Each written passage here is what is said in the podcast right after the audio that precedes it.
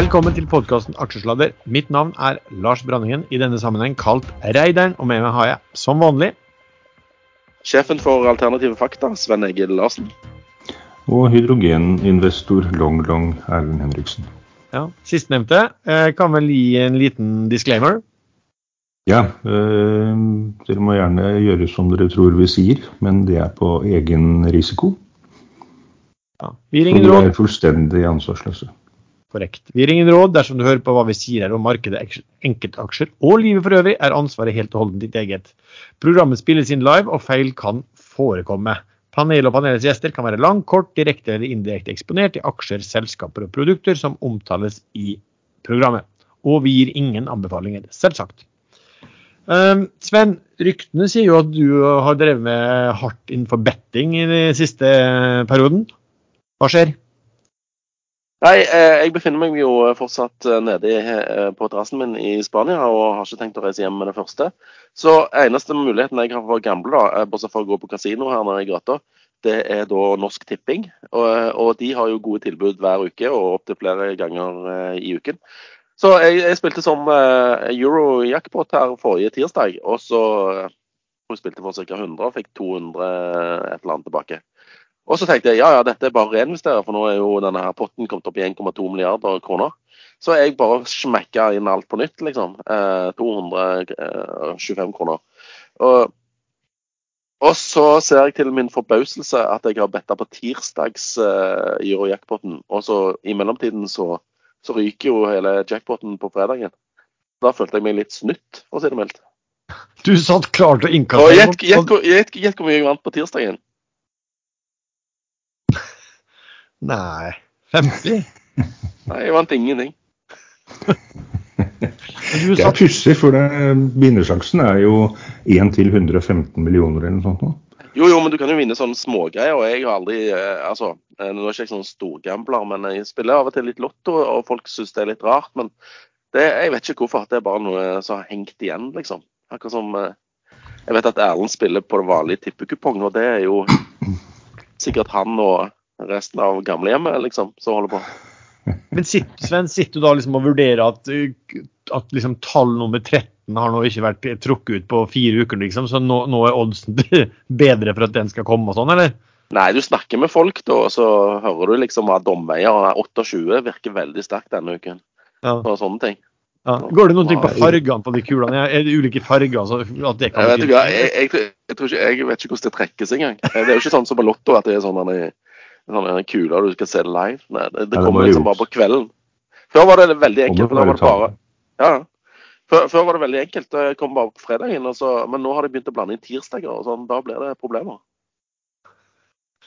Ja, sånn er det. Ehm, skal vi starte med, Sven, uh, hva du Jeg kan nevne bare siden sist, da. Det har vært en Vi, vi snakket jo om at uh, markedet var, var, på, var på vei opp, og siden sist så har altså hovedindeksen på Oslo Børs er opp over 3% på en uke, som er veldig sterkt. Og det, på samme nivå ligger også SMP 500 og Nasdaq i USA. Men eh, hva har du funnet på i den perioden da, Sven? Um, denne uken har jeg gjort veldig lite. Jeg har, eh, har gjort ekstremt lite.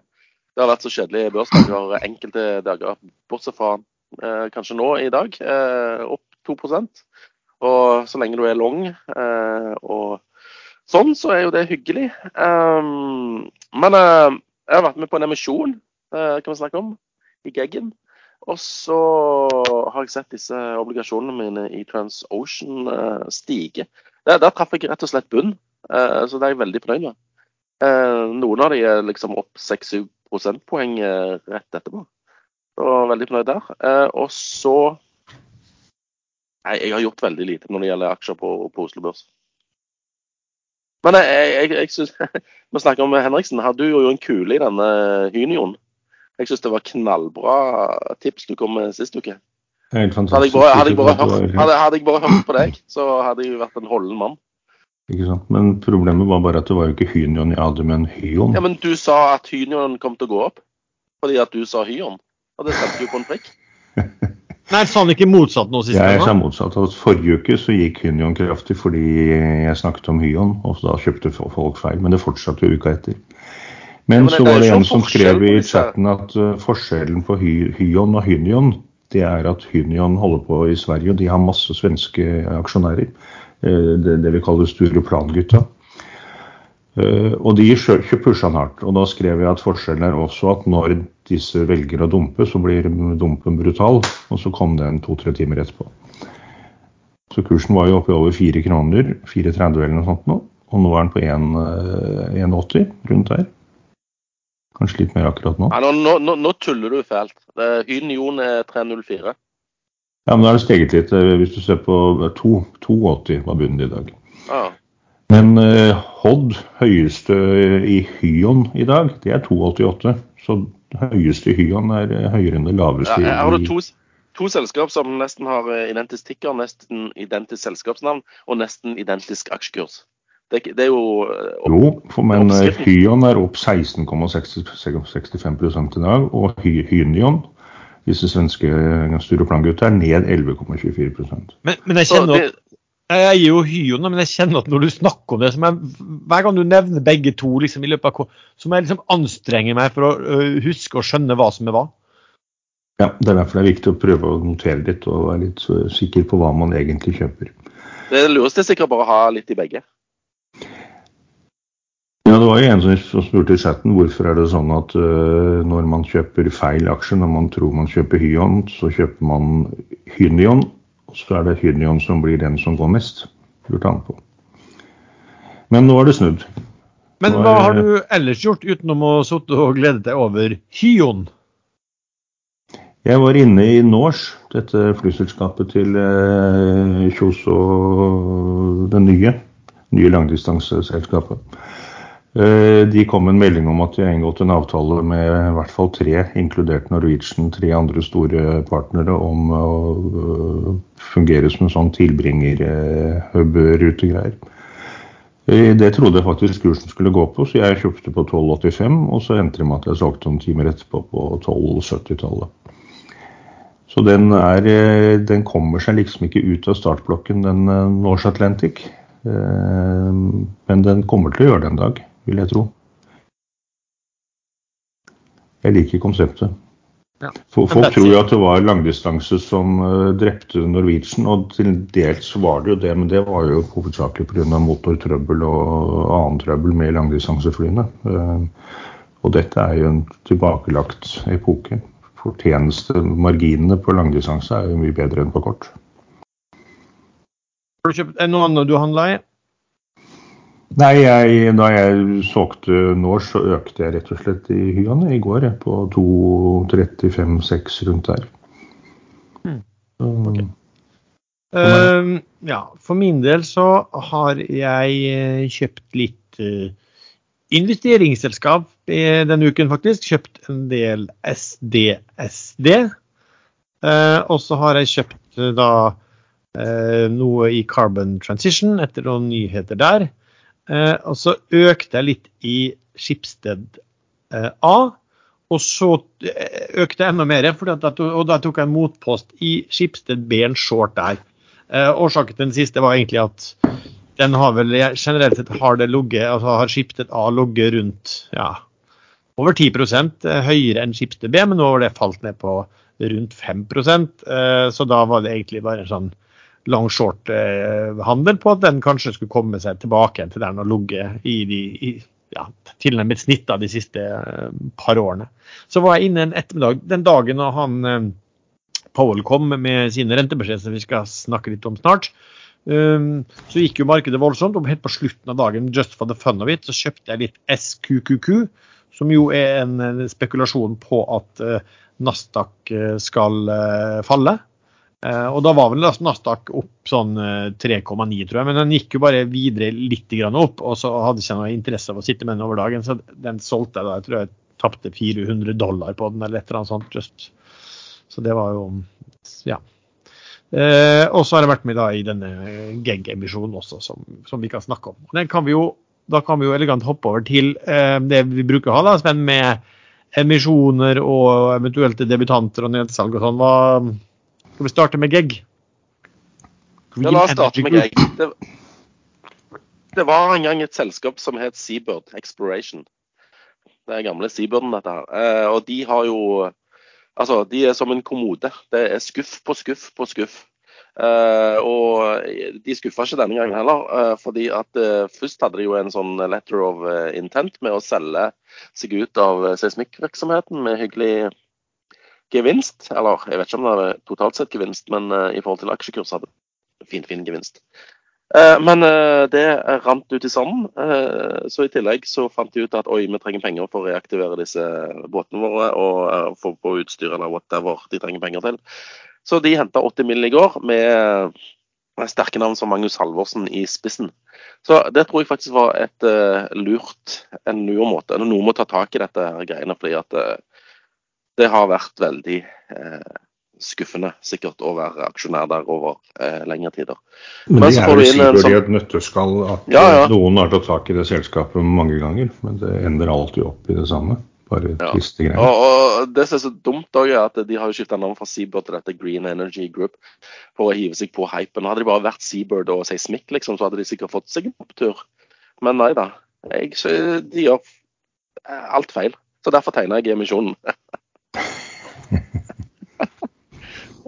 Jeg syns om den logikken. Ja, veldig bra. Ja, Ja. stort. Nei, men jeg, jeg, har, jeg, jeg har litt tro på at eh, At eh, Ja.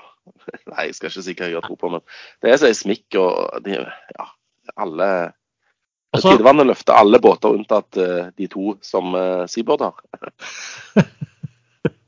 Det, har, det har jo vært en, en, en, egentlig en eh, elendig historie. og Hver gang ting har sett ut virkelig som det skulle se bra ut for dem, så har det blitt et eller annet problem.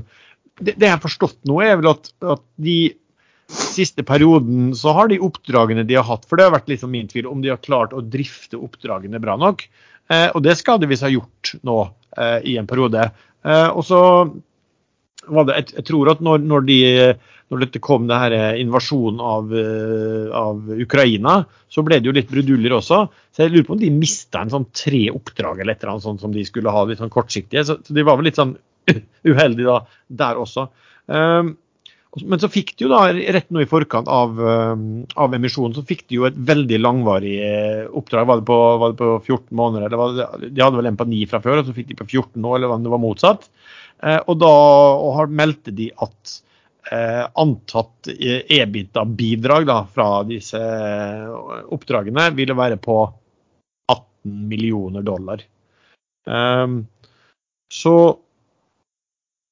altså at de kom med emisjon Ja, altså du hadde, du hadde jo en svak arbeidskapital selv om du har solgt noe, så kanskje ikke sånn superoverraskende og kanskje, kanskje fornuftig. Det jeg likte med det, var vel egentlig at rett og slett at han Magnus Halvorsen gikk inn og tok eh, 25% av det.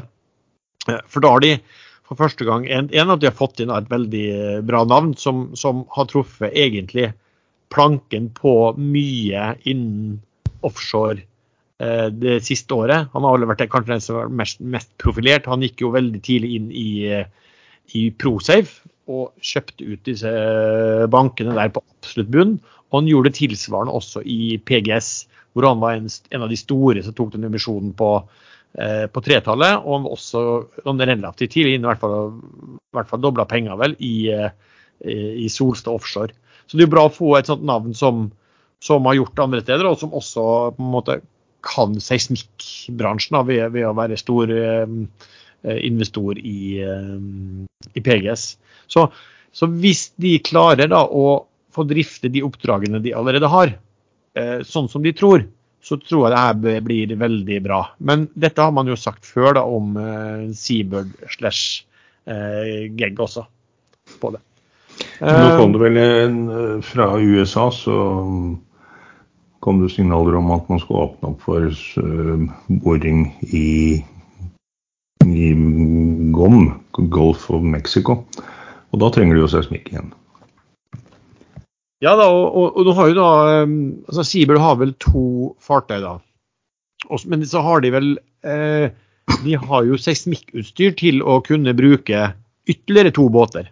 Så det, tanken er vel nå å prøve å få kontrakter på, på båter, og så bruker de sitt utstyr og så leier de inn eh, andre båter. En litt sånn asset light-bit. Og da, klart, da kan jo den, eh, det resultatbidraget og resultatet kan jo bli riktig, riktig bra hvis ting går deres vei. Da. Men det er jo det som, som, som gjenstår å se. Nå, nå, nå, føl- Ja. ja, nå føler jeg vi roter oss litt vekk når det gjaldt Ja. eh, selve emisjonen. Fordi at, um, og tildeling osv.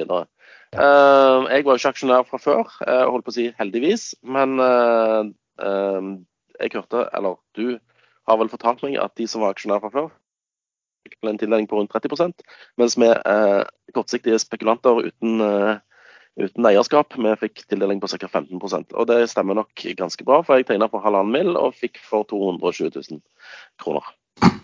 Ja. Aksjene skal inn på OTC-listen separat i sin fram til et uh, prospekt er blitt publisert. og Det tar vel sånn typisk tre uker. Eh, eller det er vel ferie nå, så da sier vel fem uker. da. Trenger de ikke generalforsamling? Eh, det gjør de sikkert òg. Jeg tror de, han, nei, jeg tror de Nei, jeg tror de har allerede har fullmakt. på- Ja. på disse. Ja. jeg tror det er egentlig bare prospekt. ja, aksjene skal handles på OTC, altså på et, på et annet ISIN-nummer, tror jeg, fra, ti, fra tidlig neste uke. Kanskje mandag allerede. Ja. Og de kan jo ikke handles uten at de er eh, autorisert eller eh, godkjent utstedt. Så, så altså den, eh, den eh, ble jo satt av den emisjonen med rabatt på var det en 18-19 fra gårsdagens sluttkurs. Så når jeg så det kom, så tenkte jeg jeg har jo noen aksjer fra før, ikke, ikke så mye, men uh, av historikken uh, uh, av historikken. Men eh, sånn som da kursen er i dag, så, så er jo man jo pluss opp totalt da på fallet på det man hadde fra før, men plusset på de nye man, aksjene man, man får sånn sett. Så, og reparer, reparer, det var jo en reparasjonsemisjon her også, men den var ikke stor, for den tror jeg var på maks to millioner aksjer. Ja, Det er seks millioner kroner, liksom. Ja. Det er jo nada. Ja. Men uh, jeg, jeg tror heller ikke det er så veldig mange flippere uh, som var med på emisjonen. Så jeg, jeg har ikke gjort noe. Jeg har shorts tilgjengelig hvis jeg vil selge de og bare låse inn gevinsten, men uh, jeg har ikke følt, følt for det ennå. Men den var på 80 millioner, og så tok da han Halvorsen tok jo da for 20 millioner. Eh, og så var det vel eh, både eksisterende og nye, sikkert i kretsen fort rundt han også, som, som hadde, altså, eh, hadde vel en 40 millioner. Så jeg tror ikke det var mer enn egentlig Når de meldte det, så var det vel nesten bare 20 millioner eller noe som var tilgjengelig igjen da. Eh, så også han Ståle Rodal, som er styreleder, han økte vel sin beholdning via denne emisjonen med ca. 60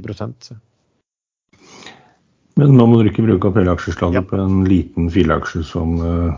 En liten fileemisjon. Eh, men er det noen andre emisjoner, Sven? Som ble gjort? Eller har vi noen debutanter eller noe spesielt? Kanskje huske noe annet. Det er sommerstille nå i det hele tatt at det kom en emisjon midt om sommeren. eh, Eller midt på sommeren. Det, det var litt uventa. Og det var da sammenheng med at de hadde kommet med gode nyheter like før, da, så de ville bruke, bruke den kurs, kursøkningen de fikk på den også. Um, men OK, la oss, la oss komme oss over. da. Det har jo vært um, renteavgjørelse i, og uttalelser i um, den uh, uken som har gått, på, på onsdag. Hva, hva skjedde da, Sven? Nei, sjefen for de gode tidene, han er Jerome Powell i USA, han eh, klaska til med en, med en trippel renteheving. 0,75 eh, prosentpoeng opp, eh, som venta egentlig. Jeg merker det tok det imot med jubel og eh, ekstase, og har vel fortsatt opp siden. Og, og Grunnen til det tror jeg er at folk nå ser at uh, ting blir gjort, og at uh, nok inflasjonen kommer til å, å, å falle etter hvert. Uh, problemet er dette med resesjonen, men det virker ikke som folk bryr seg om ennå. Let's party. Altså, han eh, nå jo markedet opp eh, ganske bra før avgjørelsen kom. Og så var den vel sånn rimelig flat etter avgjørelsen, en liten halvtime. Eh, fra avgjørelsen falt inntil han eh, begynte å snakke på pressekonferanse. Eh, og, og så spika det opp igjen. For det han sa, var følgende. Han sa We are now at levels broadly in line with our estimates of neutral interest rates. Uh, and after front-loading our hiking cycle until now, we will be much more data independent going forward. Altså, Det var dette her med at han sa at eh, de, de er mer i linje med altså, estimatene på hva som ville være en nøytral eh, rente, og det var det som fikk markedet til å gå. da. Og med nøytral rente så mener han at eh, en rente på et nivå som, som verken vil virke innstrammende eller ekspansivt da, på, på økonomien. Og da, da Folk har vel kanskje ventet at han skulle være mer haukete i forhold til kommende renteøkninger. Da. Så markedet men, men, han sa jo, ja, men han sa jo òg at neste renteheving kan òg bli en trippel renteheving. Det vet de ikke ennå, de må se på data. Det jo det som er den store forskjellen. De var ikke så bombastiske på at den skal opp kraftig.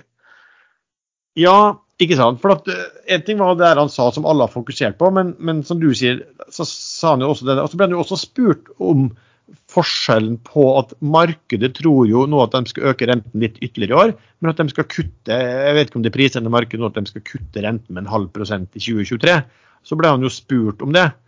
Um, og, og, han mente vel at, uh, at uh, det var vel mer naturlig at renten gikk opp, sånn som de hadde indikert eh, tidligere, også i 2023. Så, så, det er jo der du har liksom diskrepasjon disk, hva heter det? Forskjellen da, mellom hva markedet tror eh, på rentenivå i 2023, og hva sentralbanken selv hittil har sagt. da. Ja, men Jeg, jeg syns markedet bare fokuserer på de positive tingene. De har baller i, i, i ting som kan være negativt. Ja. Det er litt sånn alt, alternative uh, facts-investering uh, rundt omkring. Ja. Men, men, det kan være, husker vi snakka sist gang også om at uh, det var liksom uh, rekordpessimisme og mye cash blant Ja, ja, ja. Det er altfor mye likviditet i systemet fortsatt. Så jeg, jeg, som jeg har sagt uh, før, jeg tror ikke det kommer noen skikkelig nedgang i, i aksjemarkedet videre før likviditeten forsvinner. Det er jo først da folk må selge. Ja, og mange, og mange, kaster seg jo inn da, når de ser at markedet går, og så ser de at uh, markedet går etter å ha satt opp dette her. og så Kanskje man bruker uh, forklaringer på, på mar hvorfor markedet går, men egentlig er det bare at markedet går, og da, vil, da begynner flere å bli redd for å miste eh, en opptur. da, en, ja, Som kan bli betydelig også. Så får du plutselig en kraftig nedtur rett i trynet. Det er jo det som er litt morsomt med sånne markeder som nå. Jeg er like forsiktig ennå. Ja, altså øh, om man skal være forsiktig, det, det, det, det, er veldig vanskelig, det, er jo så vanskelig å vite hva markedet går. så Jeg tror man bare må fokusere på hva skal si, på, på enkeltaksjer. Og, og fortsatt være obs på at det kan komme tider hvor du helst vil komme deg ganske, ganske fort ut. altså Følge med på, på likviditeten i den i forhold til, til posisjonen du tar. Um, men så, så kom jo også, jeg vet ikke om dere fikk med det, så på det, det kom da tall i dag fra eurosonen på vekst og inflasjon. Så du på de? Nei, de har jeg faktisk ikke sett på. Men de var vel slik at eh, BNP var vel noe bedre enn venta, og inflasjonen høyere enn venta også. Så inflasjonen lå vel på 8,1% og da er det jo litt morsomt at den europeiske sentralbanken har 0% styringsrente PT. Fra minus. Så det, det, er en negativ realrente på 8% som, som jo reelt sett er ekstremt ekspansivt. Så, men jeg skal ikke kalle de for skrøllete. Men uh, vi får bare, kan bare si at etter hvert Det ble litt skurring på linjen her nå. ja, skrurrete. Ja, det det var. Men, uh, da, men sånn er det. Jeg så du brukte det ordet i chatten i dag. ja, sånn er det. Du sier, du sier, til små barn at de ikke kan gjøre det, vet du, Ellen. Da, da gjør de det hele tiden. Men, men, jeg må bare si bare at, at Eh, den rentebiten her, det er jo, det er jo blitt så, så, galskap at eh, jeg tror vi bare kan, kan, kalle det for en statsregulert rente. For du har enorme sentralbanker som, som styrer hele rentemarkedet. Eh, og per definisjon setter de uten noe som helst syn på hva inflasjonen måtte være. Det, det har jo blitt sånn. Men bare kort tilbake til hvorfor aksjemarkedet gikk etter 0,75% renteheving, så har det nok litt å si at uh, Manchin, han demokraten som har stemt mer med republikanerne enn med demokratene, nå plutselig har snudd rundt og aksepterer en, en halvert Build Back Better-plan uh, under et par forutsetninger. At det navnet skal fjernes. Uh, det vil han ikke ha noe av. Grunnen til at han aksepterte det, er at uh, Schumer heter han vel, tok tak i han og fikk, uh, fikk en, en, eller annen School of Economics borti Amerika til å dokumentere at den planen med stimuleringene faktisk vil virke inflasjonsdempende og ikke økende. Det var derfor han sa nei til planen for ti dager siden. Torpederte den da. Så de har brukt masse timer på bakrommet og gått gjennom eh, punkt etter punkt. Og han har eh, lagt seg litt flat og snudd helt rundt. Men det er fremdeles ikke sikkert at den planen går igjennom i, i Kongressen. I verken Senatet eller i Huset. Det er et par av andre demokrater som er litt negative. Så rundt ti dager leste jeg i går at de kommer til å forhandle og file på dette her for å få den eh, planen ferdig til avstemning. Ja, for, det, for det her er vel en sånn Eh, vært snakk om det er en sånn litt kombinert klima, energi og skattepakke. For han, eh, ja, han, ikke sant. Ja, for han, Som bl.a. Vært... Eh, åpningen av Gulf of Mexico for nye oljelisenser, den forlangte Manchin at kom inn i den pakken. Ja. Så skal det være en del klimatiltak og elbilladestasjoner støtte, og muligens også støtte til REC, som derfor kursen i REC har gått såpass bra, siden den planen ble annonsert. Ja, for han, Senator Manchin han er altså valgt inn eh, fra noe så merkelig som West Virginia, som egentlig er en sånn ildrød stat. Men siden han er såpass moderat, nesten midt mellom en demokrat og republikanere, selv om han, han, han stiller opp som demokrat, så, så, har han klart å bli valgt som senator derfor også. Og så har jo han kanskje etter mitt syn så har han vært litt en voksen i rommet når de skulle måke på med nye tiltakspakker mens inflasjonen var på vei opp. Så har han sagt at han vil ikke bli med på pakker som åpenbart øker inflasjonen når det allerede er så sterkt. da. Eh, Pluss at finansieringen manglet jo. Det, ikke sant. Så det blir, det blir nå ikke skattehøyninger for bedrifter, så vidt jeg skjønte, ut fra den enigheten om den pakken. Nei, det men det var, ja. det var, vel andre sånne skattehull en, en sånn loophole som de stengte her og der også, som, som skulle eh, bidra til å få finansiert dette. Og så var det vel også en del sånne hva skal si, på, altså, medisinske produkter som gjorde at det skulle bli billigere for folk med, med medisiner også, som, som lå inni dette her. da.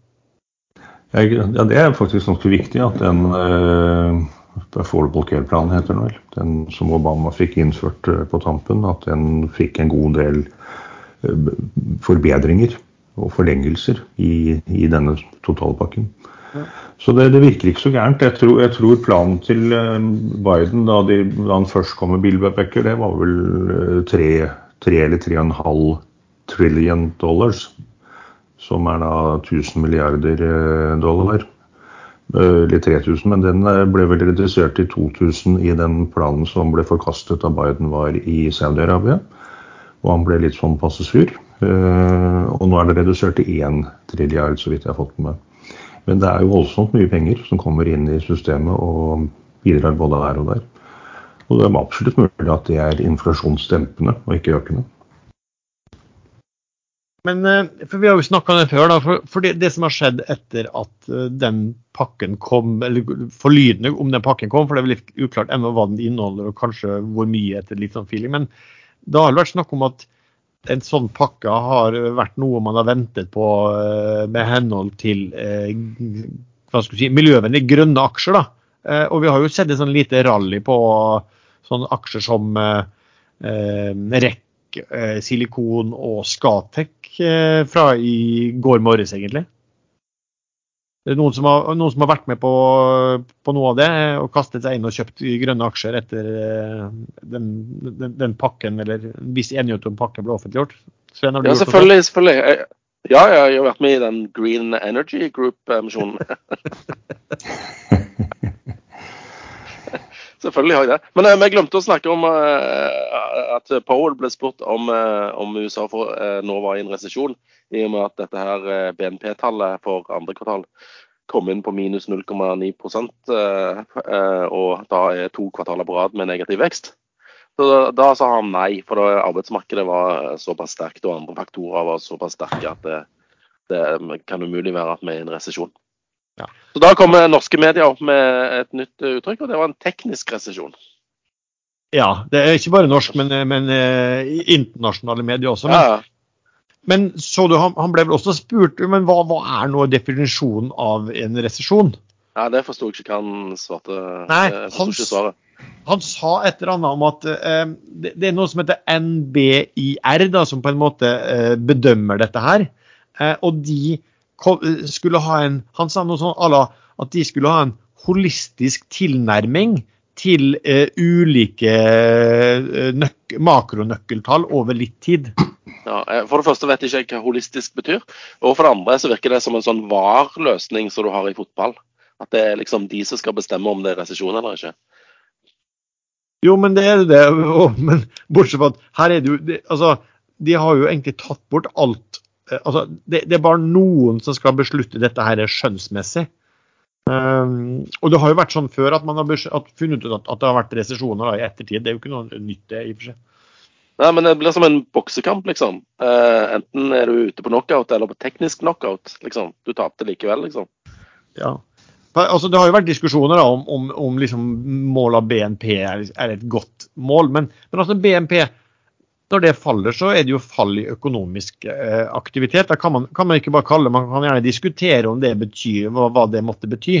Men liksom at man skal ha har endret på den definisjonen etter hvert. Sånn at ingen kan eh, sette seg ned og objektivt vurdere eh, om eh, det er en resesjon eller ikke. Det, det blir jo bare helt latterlig, hele opplegget. Ja, ja, men det er jo ingen politikere som vil si at vi er i en resesjon. fordi at det, da får jo det, altså det er ingen som vil stemme på det igjen. Så Da blir det sånn alternative facts igjen, som eh, de er blitt så ekstremt flinke på. Eh, nei, eh, eh, vi kan ikke si at økonomien falt. eh, det, han tok bare ikke ut hele sitt oppsidepotensial. Men Men det har jo noe for seg da, å trekke inn andre faktorer enn kun prisstigning. Det, det er jo et poeng at arbeidsmarkedet går usedvanlig bra. Jo, men nå snakker vi om vi snakker jo, prøver å snakke om, om, om finnes det en objektivt eh, bedømming for dette her. da. Altså, skal, hva, hva skal du, eh, altså, Resesjon har jo vært snakk om økonomisk aktivitet. Og økonomisk aktivitet har jo vært målt ved eh, hva skal du si, produksjon av varer og tjenester. Og det er BNP. Og Jeg skjønner jo det er ikke er et sånn fantastisk mål, men, men liksom, det var jo kanskje det mest objektive man kunne ha. da. Eh, Jo, men folk blir så deppa når, eh, Ja. nå, nå er ved i resesjon. Oi, da blir de deppa, så gir man litt opp. Og så, jo, jo. så det er, altså, er viktig å få Plutselig er du i en depresjon. Ja, ikke sant. Resesjon og depresjon og stagflasjon. Det er ikke måte på hva som rammer oss når det først går gærent. Så Nei, du- Norge når det knakk på slutten av 80-tallet. Det tok jo ti år eh, Men du, men du er jo faktisk du, men du er inne på noe der som jeg tror er det riktige, Erlend. Det er at årsaken til at de ikke vil gjøre det, er at de vil ikke ha disse her, eh, headlines på at, eh, at man er i resesjon. Fordi at det kan gjøre befolkningen si, mindre interessert i å kons konsumere. Og gjøre bedriftene mindre interessert i å investere. Og at det da kan bli si, selvforsterkende. Så Derfor vil de heller ha et eller annet som politikerne selv, eller de, de som sitter i posisjonen der og da, og, og eh, jeg vet ikke hva det heter, NBI er og hvordan det styres, men, men at, at det skal vurderes av de. da. Det, er for ofte valg, tror jeg. Jeg tror det er litt av problemet. Det er jo så snart disse midterms i USA. Eh, når tid er det, er det eh, oktober-november? Eh, Det er noe sånt, ja. Og jeg, jeg merker jo at det, det er jo Man har jo dette med alternative effects, og så har du jo sånn at denne gangen var selvfølgelig de som da ligger på eh, høyresiden, altså på sånn som Fox News, sånn, de var veldig ivrige på å fastslå og, og framheve at det, var, eh, det er resesjon i USA. Mens de som da var hva skal vi si, mer støtte demokratene, eh, de var jo mer interessert i å viderebringe det vage som han Powell sa, da, med at man vel egentlig ikke var i en resesjon. Men Fox News har faktisk gjort noe uhørt her nå. Eh, Donald Trump holdt sin første tale i DC eh, siden han var president. Eh, Den viste de ikke direkte, de viste isteden 17 minutter direkte fra Mike Pence sin tale, som ble holdt noenlunde samtidig. Så nå har Murdoch, som da eier Washington, nei, New York Post, er det Washington Post, jeg husker aldri de greiene. New York Post, ja, den, de har trukket støtten på lederplass til Trump, og Wall Street Journal har gjort det samme. Og nå kom Fox News etterpå, indirekte. Så det, det skjer ting i USA nå. Så var det en gruppe, både republikanere og, øh, og demokrater. En tidligere amerikansk presidentkandidat fra demokratene, han var vel nå i 2016, tror jeg det var, øh, Young. Han og litt profilerte faktisk republikanere som, som har startet nytt parti. De skal ha convention neste år og stille til valget i 2024, som heter Forward og argumenterer med at 62,5% av amerikanere er møkkalei av denne polariseringen i politikken, så de skal prøve å fange de som egentlig er ganske enige sånn midt på. Men det har jo vært prøvd før i USA, det har jo aldri fungert. Men eh, plutselig en dag fungerer det, og da er eh, demokratene og republikanerne historie. Det har man sett i andre land òg da må du vel ha sannsynligvis noen som er riktig kjent. En eller annen film, filmskuespiller eller noe sånt som ja, Han Yang er faktisk ikke så gæren, skjønner du. Han, øh, jeg husker ikke hvor mange prosent han fikk av stemmen, men han evner å samle litt folk. Og, men det er klart det er, det er ikke enkelt i USA å starte et nytt parti og lykkes med det. Tror du må mye sterkere. Han Yang var vel helt i fridge når han skulle være demokrat, eh, demokratenes kandidat også. Han tror ikke han fikk Kanskje han fikk en, en prosent av stemmen der. Han sa det liksom. Ja, Men plutselig dag går det, og det, det er jo ikke noe tvil. Det, det, amerikanere er jo ikke så polariserte som, uh, som, det fremstår i politikken. Det er ikke sånn at enten er man for abort, eller så er man imot. Uh, det er mange midt imellom. Det, men det er vel mye media da, og sosiale medier som gjør det her. At de som hyler høyest, altså som er mest ekstreme på begge sider, er, er de som får mest uh... Ikke sant. Så var dette med aksjemarkedet å gjøre? Tja. Politikk har jo veldig mye med aksjemarkedet å gjøre. Ja. Jo, men den, den pakken den, den, som kom nå, hvis det er litt sånn positivt til, til uh, miljøet eh, Nå har jo grønne aksjer vært veldig ute av, av, av altså, vært liten interesse og fått ganske tøff medfart på børsen en lengre periode, etter en voldsom boom-periode, selvfølgelig. Um, men jeg, kan det være liksom tegn på det vi ser, ser på REC og Skatek, at det er noe som virkelig kan komme nå igjen framover? Eller tror du det er bare sånn kortsiktig REC er jo avhengig av uh, et par faktorer for at det skal klaffe fullstendig. og Det er jo at, uh, at de får disse direkte støttene per kilo eller tonn av det de produserer.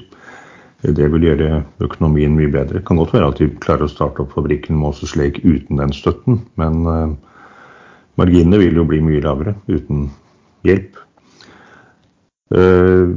Ja, Scatec, jeg vet ikke helt hvorfor de skal profitere på det.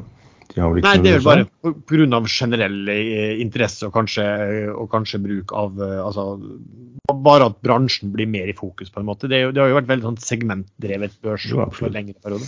Ja, det er derfor jeg har uh, Hyon nå, fordi jeg er i mellomledd i hydrogenbransjen. Uh, og støtteordningene fra EU og Norge har jo nå begynt å dryppe rundt omkring. Mm. Så det kommer mer og mer. Og det er ikke noe tvil om at verden skal over på sol og vind og hydrogen og eventuelt andre ting som måtte komme. Eh, jeg håper at fusjon får et gjennombrudd. Så slipper man alt radioaktivt avfall og problematikken rundt det.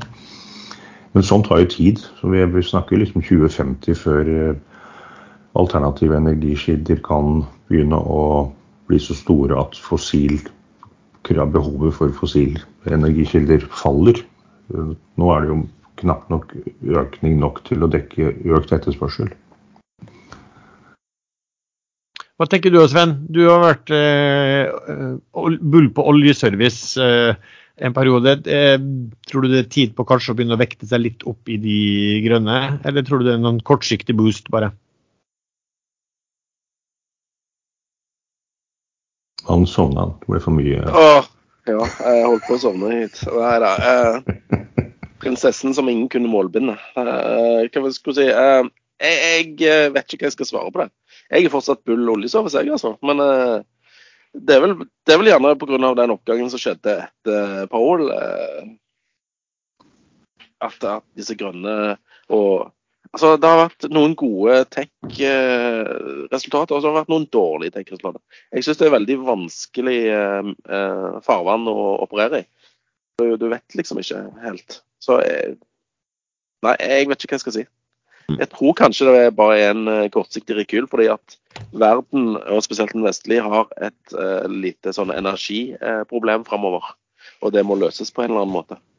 Og disse grønne, grønne greiene tar litt for lang tid eh, til å kunne danke ut det brune, skitne asfaltopplegget vi er så avhengig av. Absolutt, men det er jo, nå er det vel allerede et par år blitt investert mer i grønne teknologier enn i fossil energi. Så Ja, jeg, jeg sier ikke at det er feil å gå den veien, men det tar litt lang tid, og da må vi ha litt olje i mellomtiden.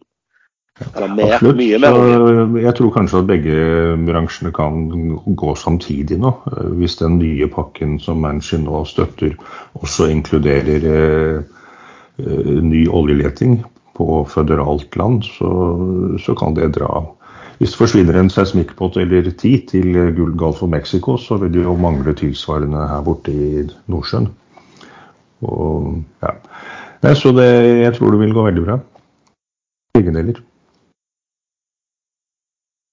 Vi har som vanlig fått en del spørsmål. Et spørsmål vi har fått er jo um, om eh, Otec, altså Otello, eh, som nå har meldt et eh, veldig stort utbytte i forhold til eh, aksjekurs. og den, Det er også dagens vinner med en oppgang på 22 hva, hva er det som skjer der, Sven? Nei, jeg merka meg i går en eh, børsmelding, en relativt anonym eh, børsmelding som eh, sa noe om eh, detaljer rundt utbytte fra Otello. Så tenkte jeg Otello, pleier de å gi ut utbytte? De pleier jo bare å drive med tilbakekjøp av aksjer. Og så klikka jeg inn der. 21 kroner per aksje. Aksjen sto i 25 år, et eller annet. Hæ, hva faen? Eh, Og jeg har ikke fulgt med på denne aksjen på lange tider, så jeg måtte oppdatere meg, lese børsmeldinger og regnskap. Og fant ut at de har jo solgt eh, juvelen i pølsa, holdt jeg på å si. Rosinen i pølsa, som heter Ad Colony, eh, og satt igjen med ca. 2 milliarder kroner. Pluss en 36% eierandel i Bemobi eh, i Brasil. Eh, som gjorde en IPO. og måtte jeg sjekke den opp mot hvordan kursen der har utviklet seg siden starten av året, da den var bokført til 89 millioner dollar. Ligger bitte litt under, sånn at den eierandelen er kanskje verdt sånn ca. 80, 80 et eller annet millioner dollar. Og så har de i tillegg eh, 200 millioner kroner ekstra etter at de har betalt ut utbytte, og det er 100 millioner aksjer, så da er det to kroner pluss disse her 80, altså rundt 10 kroner over 21 kroner bør han handle på. Og der ligger han akkurat nå. Ja. Jeg så en kommentar at det brasilianske selskapet har falt 50% i aksjekurs siden i Det har han helt sikkert, men eh, jeg kikket på regnskapet for 2021. Og der var det bokført til 89 millioner per eh, 31.12. Og så tok jeg bare og sjekket aksjekursen på Movi fra 31.12. til nå. og Der lå han på 14, og nå ligger han vel på rundt 13, tror jeg. Eh, altså den brasilianske real. Så verdien på den sånn mark, mark to market er ikke så veldig eh, forskjellig. Men hva tror den, du på den Ja, Bare fortsett, du. Uh, nei, så eh, eh, aksjekursen uh, i eh, denne her Otello vil jo da være avhengig av hvordan denne Bemobi Brasil utvikler seg, mest sannsynlig.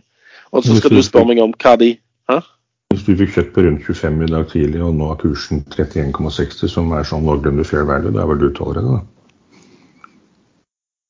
Eh, Ja, eh, jeg var litt sur fordi at du kunne ikke kjøpe den på 25 i dag, kunne du det? Nei, det aner jeg ikke. Nei, det kunne du ikke. Åpna på 27,4. den. Ja, Men uansett, du burde kjøpt den der. fordi den var veldig enkel å regne på. Men eh, skal han være fullprisa nå? Det vet vi ikke. Men det kan jo være de skal finne på noe annet eh, morsomt i det selskapet etter hvert. Ja, for det var vel spørsmålet mitt. Liksom, hva, de, har, de har cash og de har dette eh, an, eierendel, eierendelen i et brasiliansk selskap. Hva, hva blir planen med den noteringen? Det er vel det som er Ja, det er bingo. Det er eurojackpot, hvis du treffer der. for du, for du har, Men du har én stor eier her, har du ikke det? Jo. Det er sånn fond, er det ikke? Jo, som oppe kjøpt, de har vel oppe kjøpt aksjer i, i, i markedet i ganske lang tid i den eh, også. Og Det er jo greit. Det, det, er jo, det er jo fint når du er dominerende at du kan kjøpe aksjer i selskapet så lenge du, du dominerer såpass at, at du vet at det kommer et eh, kjempeutbytte. For det, det blir jo alltid sånn at de, de har jo vært så litt selskapsrabatt på det selskapet der, ikke sant? som da, forsvinner litt når man gir store deler av pengene ut i, i utbytte. Dette er, jo, dette er jo det gamle Opera software, er det ikke? Ja, ja da. Ja. Vi har, snakket, vi har vært inne på det ganske mye her før, men nå er det jo lenge siden vi har snakket om det. Ja, ja. har bare ligget stille, egentlig.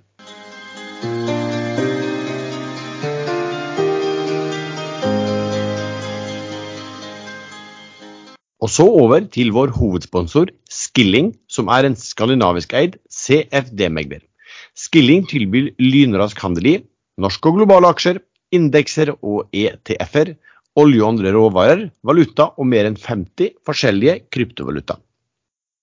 Skilling har en rekke forskjellige handelsplattformer og trading-apper. Skilling Trader, Metatrader 4 og C-Trader. Du åpner konto med bank-ID, og alt kan handles med eller uten giring, long eller short, til meget lave kostnader.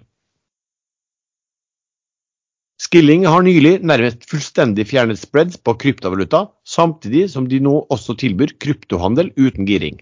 Spread på bitcoin er eksempelvis bare en halv dollar, og enda lavere på de andre 50 pluss kryptovalutaene som Skilling tilbyr.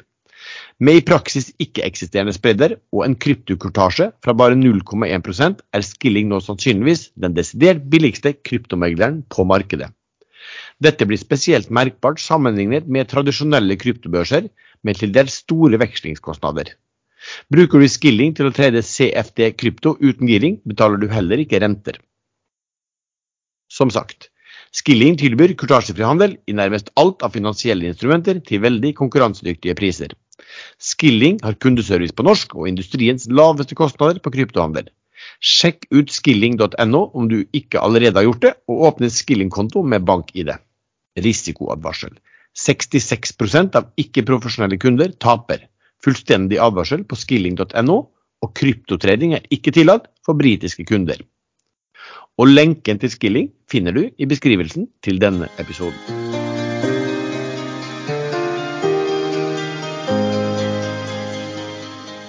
Sånn er det. Ehm, ja, annet spørsmål er jo da om ehm, synet på å investere i nisjebanker, og det er jo din, uh, ditt område, Sven.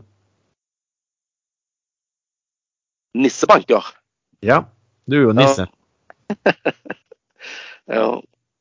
Uh, Krakknisse, i så fall. det er du i hvert fall. Nei da, jeg, jeg liker godt disse nisjebankene. Jeg har eh, tatt en posisjon i eh, ikke det nå siste uken, men eh, for noen uker siden eh, i Lea Bank, tidligere Bra Bank. Eh, bokført der er rundt 12 kroner. Den tredje godt under 10 eh, nå. Synes jeg er jeg syns de har hatt eh, relativt bra regnskaper og alt dette her, så jeg, jeg bare tok en posisjon der. for jeg eh, hvis de fortsetter med det, det vet vi jo ikke. fordi at eh, folk kommer jo til å gjerne slutte å betale regningene sine. Og da slutter de òg å betale forbrukslånsregningene. Og da får de tap. Men eh, det har vel ikke begynt ennå. Eh, men vi får uansett se. Instabank den eh, følger jeg med på. Den snakket jeg om sist. Og grunnen for det det er at jeg tror at disse danskene kommer krypende eh, med penger eh, og, og til slutt får kjøpe eh, Instabank til 375. Og I tillegg så har jeg den unoterte MyBank, der eh, utlånspraksisen var litt vill eh, for noen år siden. Der har de rydda opp. og eh, jeg syns òg tallene derfra er relativt gode. De har da satsa på disse omstartslånene som er blitt så populære. og Det tror jeg kommer til å bli enda mer populært. Eh, denne Kraftbank den eh, handler hele tiden godt over bokført verdi, så den holder jeg meg fortsatt unna. da. Men, eh, og, og fine tall derfra, men jeg, jeg liker ikke verdivurderingen der. Eh, er det noen andre av disse nisse, nissebankene? Jo, komplett Den bank. danske bank er nissebank. Ja, Ifølge deg så er jo alle banker nesten nissebanker, DNB og alt. Du har jo problemer med de fleste. Det viser jo, Det er jo bare å spole tilbake noen episoder. Jo, men jeg er happy med DNB nå. Flink. Ja, ja, du er happy med det, ja. Ja nei, eh, du har Komplettbank, eh, som er vanlig forbrukslån, eh, og de har slitt med effektiviteten og, og, og kundekvaliteten. Og ja, mye. Det virker litt sånn ungrodd. Og i tillegg har jo Komplett, som de da har hatt tett samarbeid, òg slitt litt med, med salget sitt i det siste. Så ikke det, det liker jeg ikke så veldig godt. Selv om den er den billigste basert på bok. Så inntjeningen er litt sånn slapp. Så konklusjonen din er at det er verdt å se på? For en krakknisse så er en nissebanker eh, midt i blinken. Syns jeg. Men eh, de er illikvide som faen, så jeg anbefaler absolutt ingen å rote seg inn i nissebanker. Nå må du overtale oss, for jeg har ikke mer å si. Du pleier jo å ha så gode spørsmål fra, fra intelligente lyttere, så du må bare kjøre på. ja, nei, det var ikke det hadde ikke så mye å si. egentlig. Det var akkurat den som skrev i chatten at uh, han skrev hva vi diskuterte akkurat nå. Uh, han påstod han har installert et spionspeil i sminkespeilet mitt. Et spionkamera i sminkespeilet mitt. Men uh, hvis han hadde gjort det, så hadde han ikke vært så rolig som han var, fordi det er veldig varmt her nå. Så jeg har kledd av meg litt, for å si det sånn. Å, herregud. Jeg Det var det ble litt, Too much sånn- information. Ja, følte, følte at det ble litt, litt både litt, ek, litt, litt kvalmende her inne, men det også. Uh, men da kan vi jo ta en liten Altså, i, i dag så mm, kom det en artikkel som sa i Tradewinds der det skrev at store hva skulle du si, som store aktører som leide inn eh, skip, containerskip, de og hadde gjort det på lang sikt, eh, de ville nå reforhandle ratene ettersom eh, spotratene falt.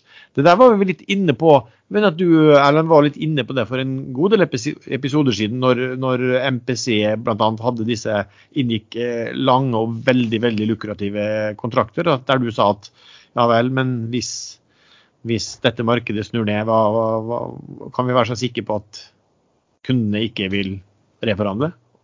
Hva tenker du om det? jeg sa det, fordi en, eh, en som jeg vet er dyktig på shipping i chatten, han sier at det har skjedd ved alle tidligere korsveier. Hvis ratene raten har eh, krasjet, så, så vil de store aktørene reforhandle. Men eh, vi har jo da sett argumentasjon fra MPPC-aksjonærene at det kan ikke skje for dem. Men jeg sliter litt med å kjøpe argumentet.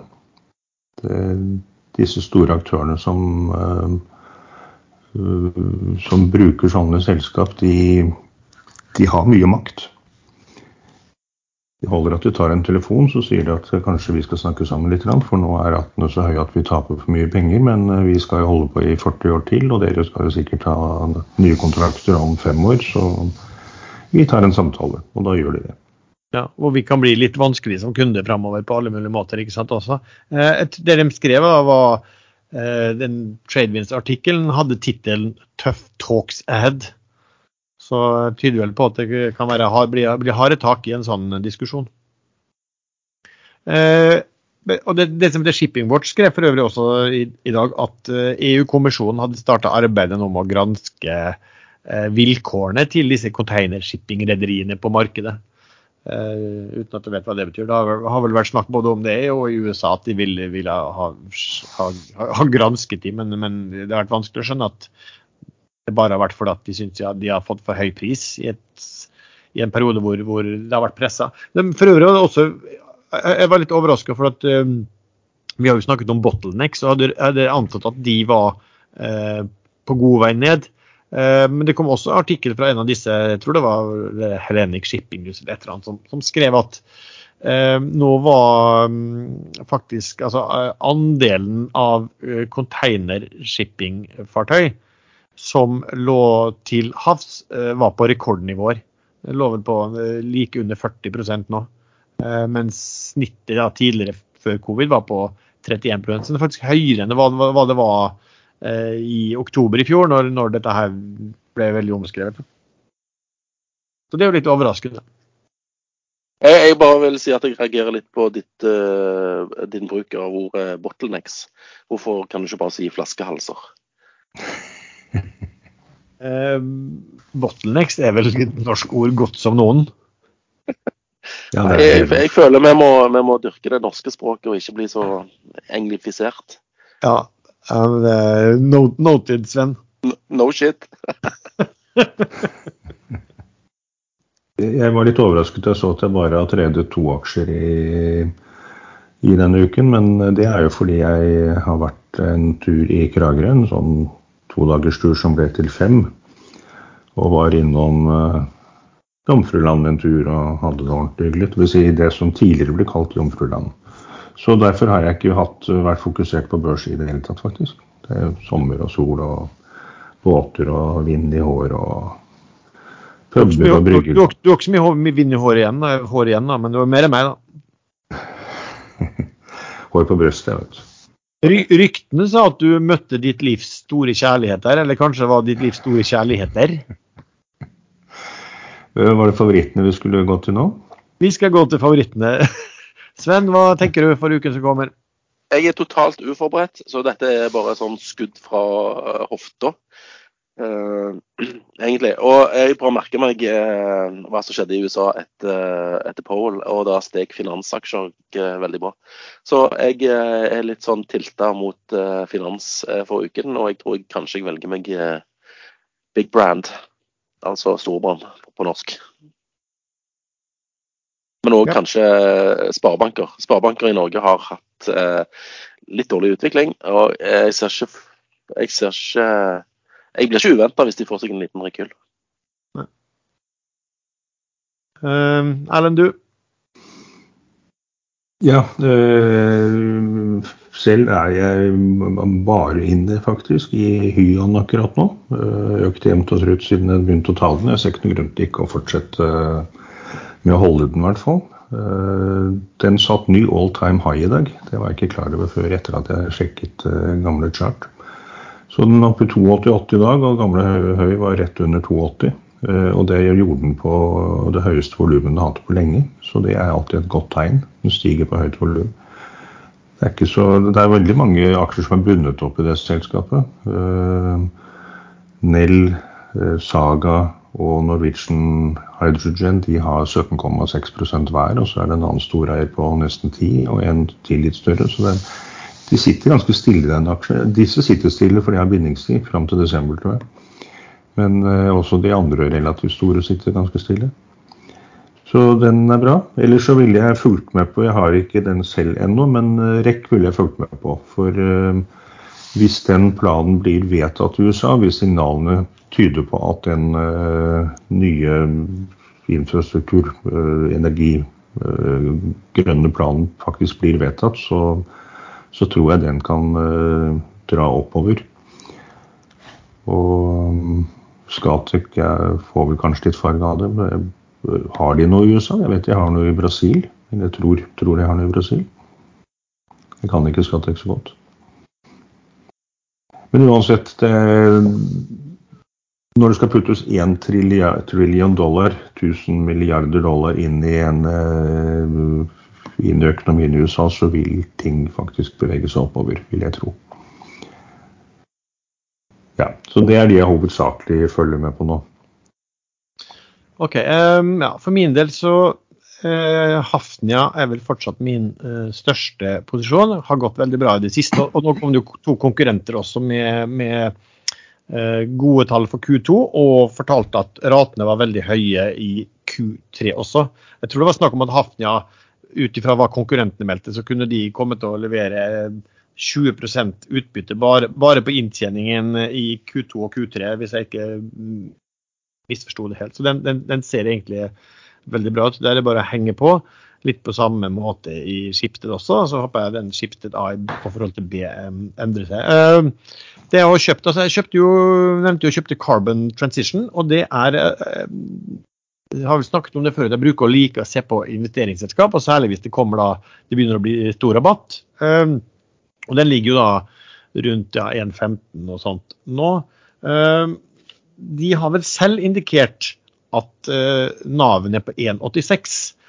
Uh, og da begynner rabatten å bli stor. Men, men det, er sånt, det er jo et sånt bastardselskap, vil jeg kalle det der. da. Fordi at uh, de, de består av to tredjedeler, to tredjedeler av seismikkbibliotek og en tredjedeler av grønne investeringer. Eh, vi var jo egentlig med i det, alle vi tre, i, i den emisjonen der, som da, den gangen Aksis gjorde. Og så skulle man da gjøre om det selskapet der, og så gikk man inn for en, en litt sånn hype-versjon. for da var det hype av grønne investeringer, og man skal også bli et sånn grønt investeringsselskap. Men den, den interessen for det har jo avtatt. Um, sånn sett, og, og man sitter igjen altså, et selskap som, som, som hadde etter mitt syn verken toppledere eller styremedlemmer som hadde noe som helst bakgrunn fra å in, fra å investere på børsen eller drive investeringsselskap. Uh, og da blir det jo virkelig litt rart, da. Hele oppsettet. Men det man må se etter i sånne selskap, én ting er at du kan kjøpe det når du syns kanskje rabatten blir stor nok. Det men det er alltid litt vanskelig å, å, vurdere her, da, hvor stor den er. Um, men uh, se om noe skjer, og det som skjer her er at han som var styreleder nå blir vippa ut, og fordi at aksjonærer vil ta affære.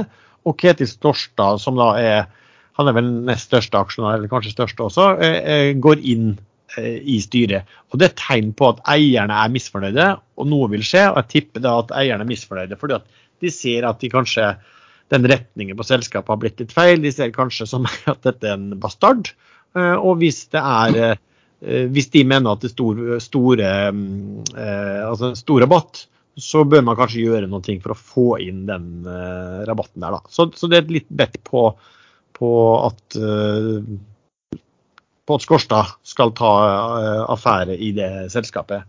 Ellers har jeg kjøpt da SDSD. Jeg nevnte vel sist gang at det var noe jeg så på nå. og Nå er rabatten ca.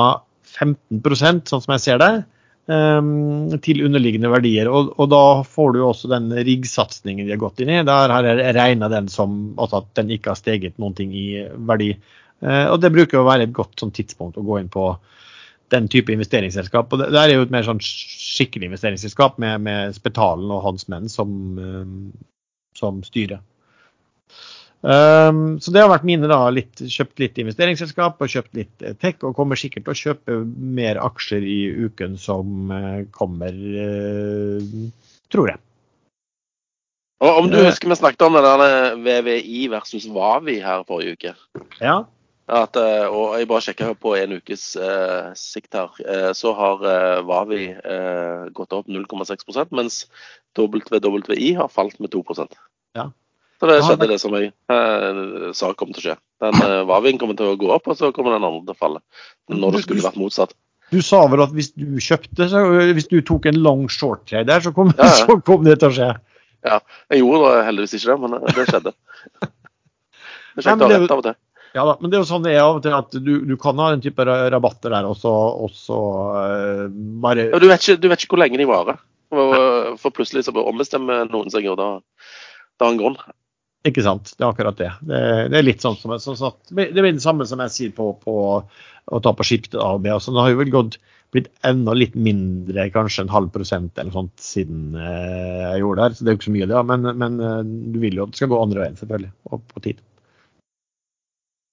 OK, eh, noe annet eh, jo, Forresten, jeg kan nevne en ting som irriterte meg litt. Eh, det var at Jeg sto satt med fingeren på knappen og var bare litt sen. Ti sekunder sen på å få lagt en ordre en, en morgen i, i, i rekk på 17,2. Det skulle ta ganske mye. Den åpna på 17,13. 17,135, for jeg lå på 17,10.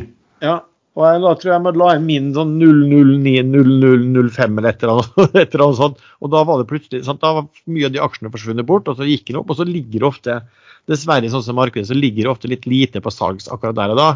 Uh, ja, så, så, den bare gikk fra meg. Men, men det er jo så, men det er litt irriterende akkurat der og da, er det jo, selvfølgelig. Men, ja, noen ganger er det faktisk lønnsomt å løpe etter. Jeg kunne kjøpt på 1735 rett etterpå, men ja, valgte ikke å gjøre det. Nei, akkurat, da satt vi vel og gjorde omtrent akkurat det samme. akkurat det gjorde det samme. Men, men, sånn er det jo av og til da i aksjemarkedet. at noen You win some, you lose some.